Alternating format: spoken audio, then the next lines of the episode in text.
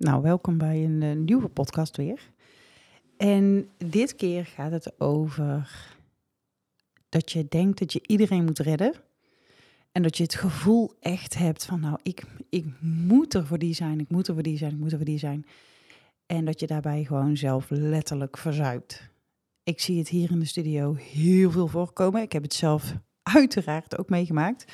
Ik denk dat iedere vrouw daar wel doorheen gaat. Dat je zoveel voor een ander doet en zoveel, voor, ja, zoveel met een ander bezig bent, dat de focus niet meer op jezelf ligt. Dat je zo ver bij jezelf vandaan gaat, omdat je denkt dat je al die ballen perfect moet hoog houden. En ik denk dat als je al die ballen perfect omhoog wil houden, dat gaat niet. Je laat er sowieso een aantal vallen. En ik denk dat daar gewoon veel dingen aan kapot gaan. Dus als je namelijk altijd er voor een ander bent en beschikbaar wil zijn voor iedereen, dan gaat dat dus ten koste van jezelf. En het gaat niet alleen ten koste van jezelf, het gaat ook ten koste van je relaties. De relatie die je hebt met je partner, de relatie met je kinderen, want jij bent niet meer de leukste versie van jezelf, omdat je vindt dat je dus van alles moet. En als ik hier in de studio kijk, zie ik dat heel veel vrouwen hier tegenaan lopen. Hoe pak ik weer mijn eigen plek terug? Mijn eigen plek in het gezin, mijn plek in de vriendengroep, mijn plek in het werk, gewoon mijn plek in dit leven. En ook met social media erbij. Er wordt natuurlijk best wel veel de hele dag aan je getrokken. Dat je denkt, oh, ik moet dit doen, ik moet dit doen, ik moet dit doen. En dan moet je ook nog eens een keer die leuke vrouw zijn. Dan moet je ook nog eens een keer de perfecte moeder uithangen. Dan moet je ook nog eens een keer de leuke vriendin zijn die niet, uh, die niet als ze uit willen gaan, als eerste zegt, uh, ik ben naar huis, want ik ben helemaal klaar voor vandaag. Het trekt eigenlijk alle energie, trekt het uit je.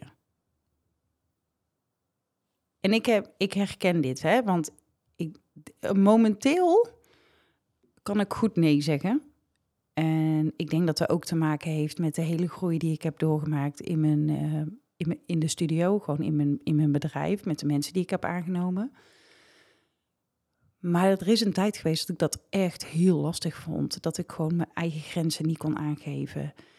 Um, dat ik altijd ook voor een ander aan het rennen was. En misschien kunnen heel veel mensen dat zich nu niet meer van mij voorstellen. Omdat ik dus echt heel erg doe waar ik zelf zin in heb. Heb ik vroeger ook al gedaan, maar ik stond ook te pas en te onpas klaar voor een ander. Ten koste van mijn eigen energie. Toen ik dus alleen kwam te zitten, ik was gescheiden, ik had drie kinderen, ik woonde alleen. Nou ja, niet alleen, ik woonde natuurlijk met mijn drie kinderen, nog jong toen. Uh, ik had toen ook mijn eigen studio. En ik merkte dat ik toen niet um, het leven leefde wat ik wilde leven. Maar je wordt gewoon een soort van gedwongen. Je moet alle ballen omhoog houden, helemaal als je alleen bent. Um, en daarbij ben ik gewoon heel vaak over mijn eigen grens heen gegaan. En dat resulteerde uiteindelijk in een uh, best wel burn-out. Maar dat kwam ook omdat ik niet lekker zat in de studio. Ik, in de studio had ik ook zoiets van. Toen deed ik natuurlijk voornamelijk baby's, kinderen, uh, zwangerschappen. En ik werd daar gewoon echt niet meer gelukkig van. Ik, ik vond dat vond het echt heel lastig dat ik dacht, oh, weet je, ik zat echt in een red race als er geboortekaartjes, die deed ik ook nog, weet je wel. Dan was s ochtends werden we gebeld en dan moesten we die dag moesten we en shooten en de geboortekaartjes afdrukken en en en en en en ik kon nooit weg, ik kon nooit op vakantie. Ik had mezelf zo vastgezet dat ik ja, dat ik er voor iedereen wilde zijn en ook moest zijn. Ik kon echt letterlijk niet op vakantie, want dan was er geen vervanger en eh, met geboortes is het natuurlijk echt heel lastig. En ik denk dat nu mensen relaxer zijn met geboortekaartje van, oh weet je, dat kan ook al over twee weken verstuurd worden. Maar ja, eh, 10, 15 jaar geleden moest het gewoon dezelfde dag de deur uit. En daarbij had ik mezelf zo vastgezet dat ik continu voor anderen ook bezig was. Um, en mezelf daarbij dus letterlijk altijd in de spagaat zat. Ik bedoel, mijn kinderen waren echt nog wel klein. Dus op een gegeven moment ga je, groeit het scheef. En het groeide zo scheef dat ik dacht, dit wil ik gewoon echt niet meer doen. En thank God daar was mijn burn-out. En heel veel mensen vinden een burn-out vervelend. Weet je, als je er middenin zit, word je er niet per se heel blij van. Maar ik werd er ook niet per se heel ongelukkig door. Want die burn-out gaf mij de tools en ook een reden. Want ik vond voor mezelf dat ik een reden nodig had om het te veranderen. Inmiddels vind ik dat ik geen reden meer nodig heb om te veranderen. Maar dat vond ik toen nog wel. Weet je, toen was ik... Uh, ik weet niet eens hoe oud ik was, 34 of zo. En ik vond dat ik dus een reden nodig had om, om te veranderen. Om dingen anders te gaan doen, anders te gaan bekijken, anders in het leven te gaan staan. En ik dacht, joh, weet je, als ik dit blijf doen, ik word hier gewoon niet gelukkig van. Ik werd gewoon niet gelukkig van die periode dat ik alleen maar aan het werk was, mijn kinderen bijna niet meer zag en uh, de omzet niet heel hoog was en ik alleen maar aan het vliegen en aan het rennen was om iedereen maar tevreden te houden. En toen dacht ik, joh, dit is gewoon niet meer mijn leven, niet het leven wat ik wil leven. En daar ben ik, weet je, in elke burn-out zit natuurlijk een soort van cadeau. Hoe je het eerst deed, heb je jarenlang vol kunnen houden. Maar nu werkt het niet meer voor je, want je gaat er letterlijk aan onderdoor. En als je zo'n burn-out krijgt, weet je, sommige mensen zien het als falen. Ik zie het alleen maar als een soort van reset. Dat je denkt, oh ja, wacht even. Ik mag over dingen anders gaan nadenken en ik mag dingen anders gaan bekijken. En door die burn-out ben ik gewoon echt nog meer keuzes voor mezelf gaan maken. En dat is ook wat ik nu dagelijks doe. En eh, vind ik het dus mega belangrijk om jezelf op die eerste plaats te zetten. Omdat je daar hoort. Als jij niet goed voor jezelf zorgt, dan kun je er ook niet voor een ander. En je kunt alleen maar goed voor jezelf zorgen als je de dingen doet die je leuk vindt. Je wordt namelijk echt een leuke persoon als je de dingen doet waar je blij van wordt, waar je gelukkig van wordt. En natuurlijk moet ik ook af en toe iets voor de kinderen doen. Natuurlijk moet ik ook af en toe dingen doen waarvan ik denk, oh ja, hmm, minder leuk. Maar ik probeer ze echt zoveel mogelijk uit te bannen of uit te besteden. Of iemand daarop in te zetten die dat wel leuk vindt. Want 9 van de 10 keer zijn ze er dan ook beter in dan jij. Maar ik denk echt dat je van het besef af mag dat je niet altijd er voor iedereen klaar hoeft te zijn. Dat je je eigen grens mag aangeven. Dat jij mega belangrijk bent in je leven. Weet je, je hebt de meeste communicatie heb je met jezelf. Dus je kunt jezelf heel de dag naar beneden praten en denken: "Oh, dit vind ik niet leuk." En dat had dan nee gezegd. Snap je? En als je het superleuk vindt, ga het dan vooral doen. Krijg je er energie van? Ga het vooral doen. Maar dingen waar je geen energie van krijgt, zet daar, roep jezelf een halt toe en zeg gewoon: dit ga ik gewoon niet meer doen. Ik zie zoveel vrouwen hier voor alles en iedereen zorgen. Ze rennen hun benen onder hun kont vandaan. Voor heel de wereld, als het moet. Maar rennen voor jezelf is echt het allerbelangrijkste. En ik denk dat we daar. Dat is ook, dat is ook een stukje zelfliefde naar jezelf toe. Dat je toegeeft wat je fijn vindt, toegeeft waar je gelukkig van wordt, toegeeft dat je, dat je van sommige dingen gewoon echt niet gelukkig wordt. En kijk dan waar je dat dan kan uitbesteden. Ik moest wel lachen, want ik, ik, ik doe niet zo heel veel in het huishouden, moet ik heel eerlijk zeggen. Ik werk nu natuurlijk, nou ja, 32 uur werk ik in principe. Maar ik ben altijd met mijn studio bezig. En ik zie het ook niet echt als werk, dat scheelt misschien. Maar een paar jaar geleden ging uh, mijn vriend op kamp met school. En uh, mijn jongste, die was eigenlijk een soort van in paniek, want die zei: Mam, papa is volgende week weg. Hoe gaan wij dat doen met eten? ik doe geen boodschappen over het algemeen en ik kook ook niet. Dus die was helemaal in paniek. Die denkt, nou, dit wordt echt een drama. Er wordt gewoon niet voor mij gezorgd. Ik ben niet zo'n zorgend typetje ben ik ook nooit geweest. Ik ben gewoon, ja, ik weet het niet. Ik heb gewoon, dat zorggen heb ik gewoon niet zo heel erg. Ik denk dat ik daarin misschien iets mannelijker ben of, of masculiner. um, ik heb die zorgrol heb ik niet zo heel erg. Mijn vriend heeft hem gelukkig wel. Gelukkig, want dan komt er in ieder geval nog iets van de kinderen terecht. Uh, ze bellen hem ook altijd als eerste. Uh, omdat ze gewoon weten dat ik, ja, of ik ben aan het werk of ik ben ergens anders druk mee. Het is niet zo dat ik. Tuurlijk sta ik voor ze klaar, maar het is niet zo dat ik op stel en sprong altijd voor ze klaar kan staan. En dat weten ze en dat is prima. Ik vind dat ook prima. En tuurlijk, toen ze jonger waren, was ik dan natuurlijk wel meer dan nu. Maar het zijn nu pubers. Dus ze kunnen zichzelf wel redden. Ik hoef daar niet altijd mee bij te zijn. Ik ben blij dat hij wel een zorgend type is. Hij is een echte vader en hij, ja, hij, hij houdt van de gezinsleven en, en hij doet alles ja, om het bij ons gewoon draaiende te houden. En doet hij meer dan ik.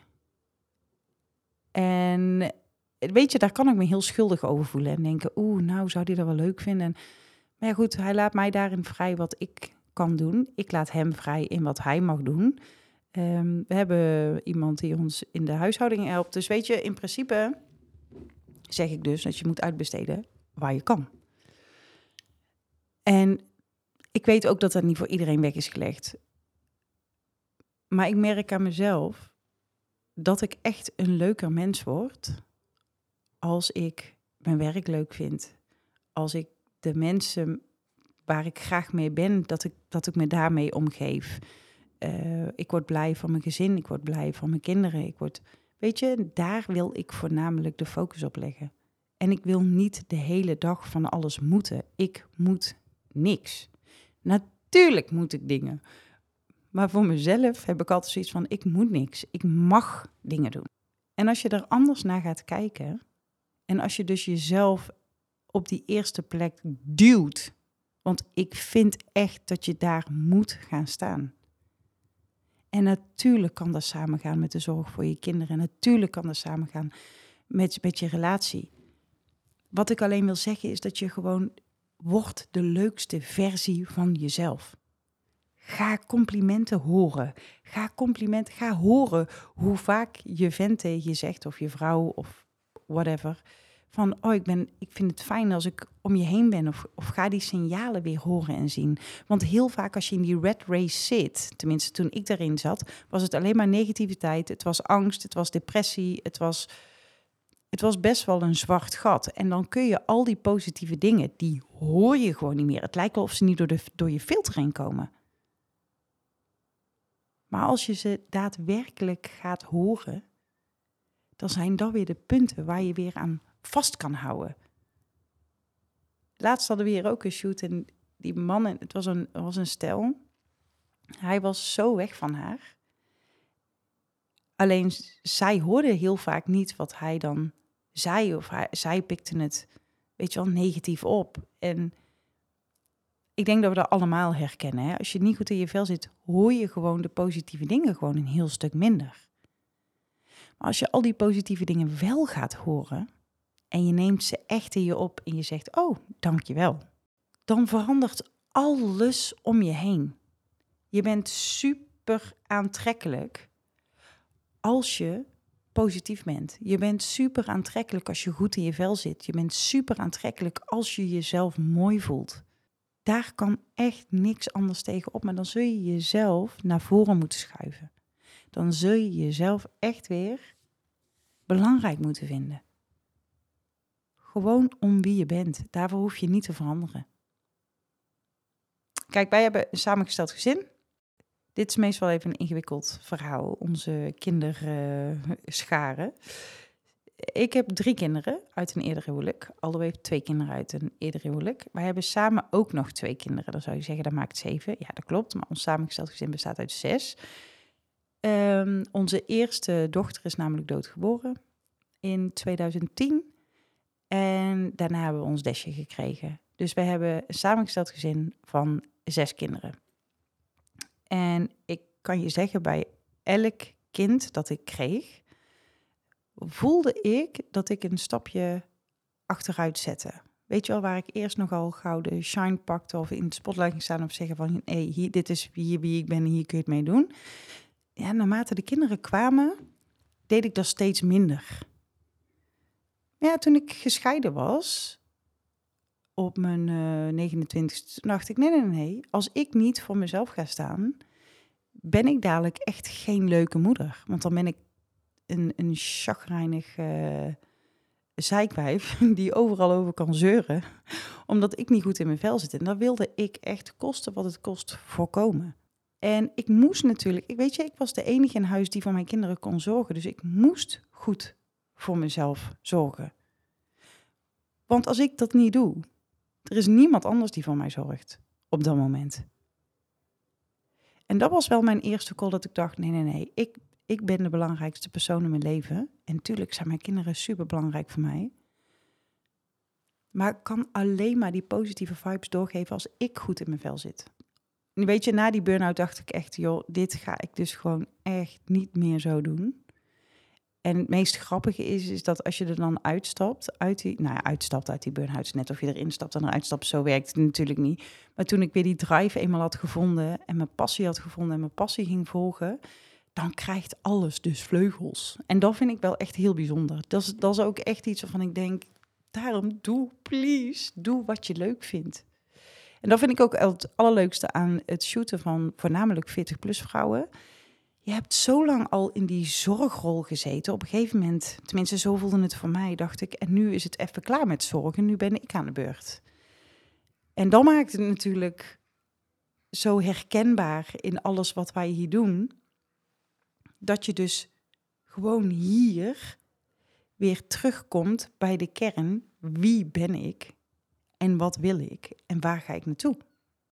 En dat, heel die reis naar jezelf, die kun je natuurlijk, weet je, die reis leg je altijd af. Je bent altijd onderweg. Het, gaat niet om de bestemming, het gaat om het, om het hele proces. En ik denk dat je daar nog meer, nog meer bij stil mag staan.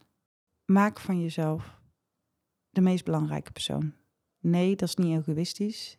Nee, daar hoef je ook niet voor naast je schoenen te gaan lopen, want dat denkt dan iedereen. Kijk, als je kijkt naar reddingszwemmen bijvoorbeeld, daar die vergelijking, die, die deed ik van de week. Als je dus in het water ligt zelf en je ziet dat je iemand moet redden en je, zit met je, je ligt met je kleren aan, lig je in het water en je ziet iemand kopje ondergaan, en je trekt hem omhoog en je trekt hem aan de kant, weet je hoe vermoeiend het is. Dat is niet normaal. Ook als je nog schoenen aan hebt, ook nog. En als je er zo een aantal moet redden, dan moet je eigen conditie wel zo vreselijk goed zijn. Dan moet je dus zo goed voor jezelf hebben gezorgd. Anders kun je de rest gewoon niet redden, want dan ben jij degene die verzuipt. Ik denk niet dat je iedereen moet willen redden. Ik denk dat mensen zich ook heel makkelijk zelf kunnen redden. En ik denk dat het er vooral ook in zit, welke intentie heb je om iemand te helpen? Is het omdat je er zelf beter? Voel je meer waardering? Voel je dat je ertoe doet? Of help je iemand omdat je het heel graag wil? Kan natuurlijk ook, hè? Of help je iemand omdat je zo de focus niet op jezelf hoeft te leggen? Dat was, de laatste was typisch mijn geval. Want dan hoefde ik, hoefde ik gewoon niet over mezelf na te denken. En het is echt niet erg om een ander te helpen. Maar zorg dat je zelf vooraan staat. Dat je nee durft te zeggen. Want op het moment dat je tegen een ander ja zegt, om diegene te helpen of whatever, zeg je tegen jezelf indirect nee. Nou, mocht je een vraag hebben over dit, deze podcast, stuur me gerust een DM.